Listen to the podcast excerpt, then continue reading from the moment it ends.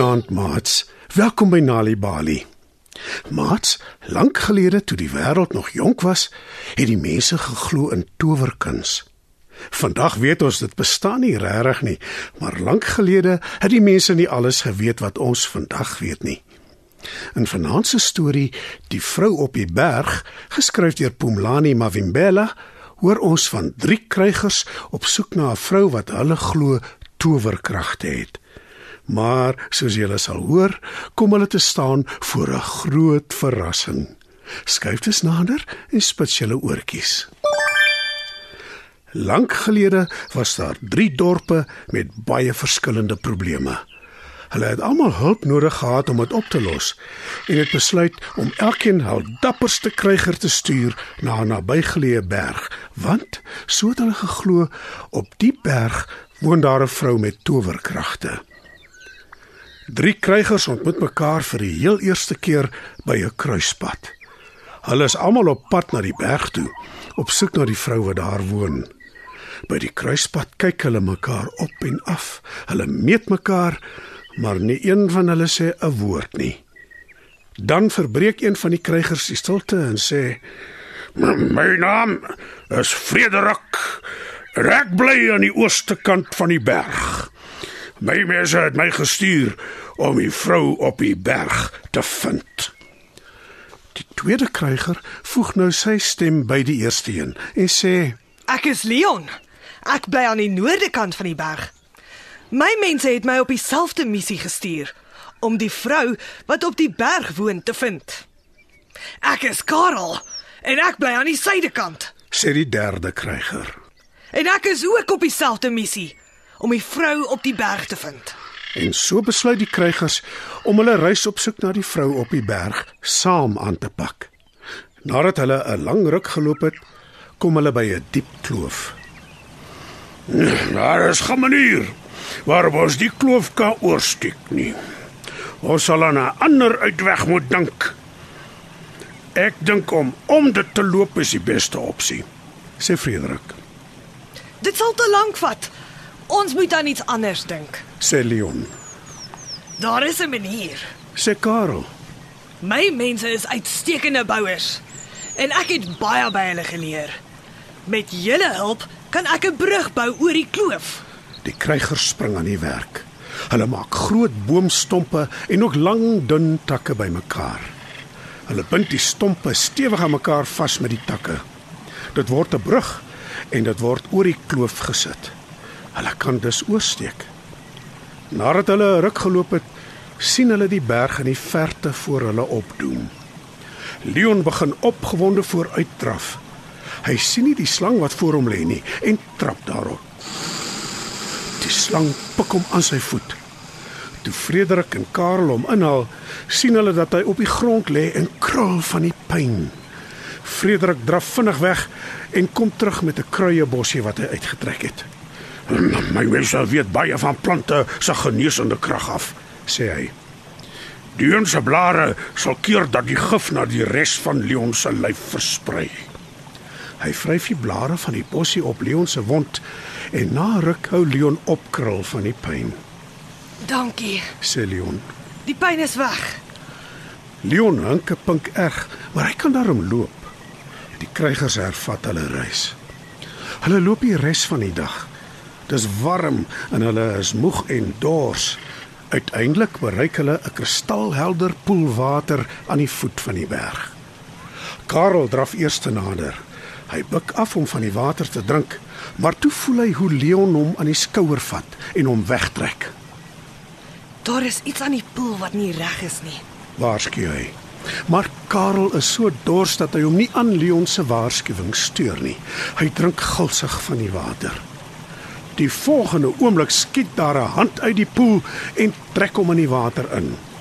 Frederik en Leon probeer hulle bes om hom te red, maar te vergeefs. En toe skielik verskyn daar 'n vrou, Dis die vrou op die berg. fluister Leon. Ons moet dadelik respek betoon aan haar voordat sy ons ook in die poel intrek. Die twee oorblywende krygers laat sak hulle koppe voor die vrou, Reisigers, sê die vrou. As julle julle vriend wil red, moet julle 'n raaisel oplos. Wat gebeur as ons dit nie reg kry nie? Vra Frederik. Wel, dan sluit julle by julle vriend aan. Antwoord sy. Is julle reg? Ja, ons is. Antwoord Leon. Frederik aan die ander kant is te senuweeagtig om te praat. Moenie bekommerd wees nie. My mense is bekend vir hulle kennis. Fluister Leon vir Frederik. My nag is julle dag en my dag is julle nag. Begin die vrou. En ek is 'n maand oud, maar ek is al miljoene jare lank hier. Ek weet, Sê Leon. as jou dag ons dag is, beteken dit jy kan net snags gesien word. Jy's dis die maan. Die maan is al miljoene jare lank hier. Die vrou knik en Karel verskyn uit die water. Hy is baie dankbaar dat hy gered is. Julle het na die berg toe gekom en julle het julle toetse geslaag. Nou gun ek elkeen van julle een wens. Sê die vrou. Frederik is eerste aan die beurt. Ja, elke keer as daar 'n storm is en daar is vloede, wens ek dit wil stop sodat mense en dier nie soveel skade ly nie. Leon se wens is volgende. 'n Verskriklike droogte het my hele dorp se oes vernietig. Ek wens daar kan reën wees. Karel kom laaste aan die beurt. My mense weet hoe om plante te groei. Maar ons het net vleis om te eet. Ons kinders is nou siek. My wens is landerye vol verskillende vrugte en groente.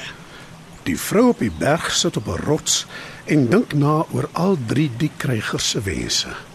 Toe sê sy: Ongelukkig kan ek nie julle wense bewaarheid nie.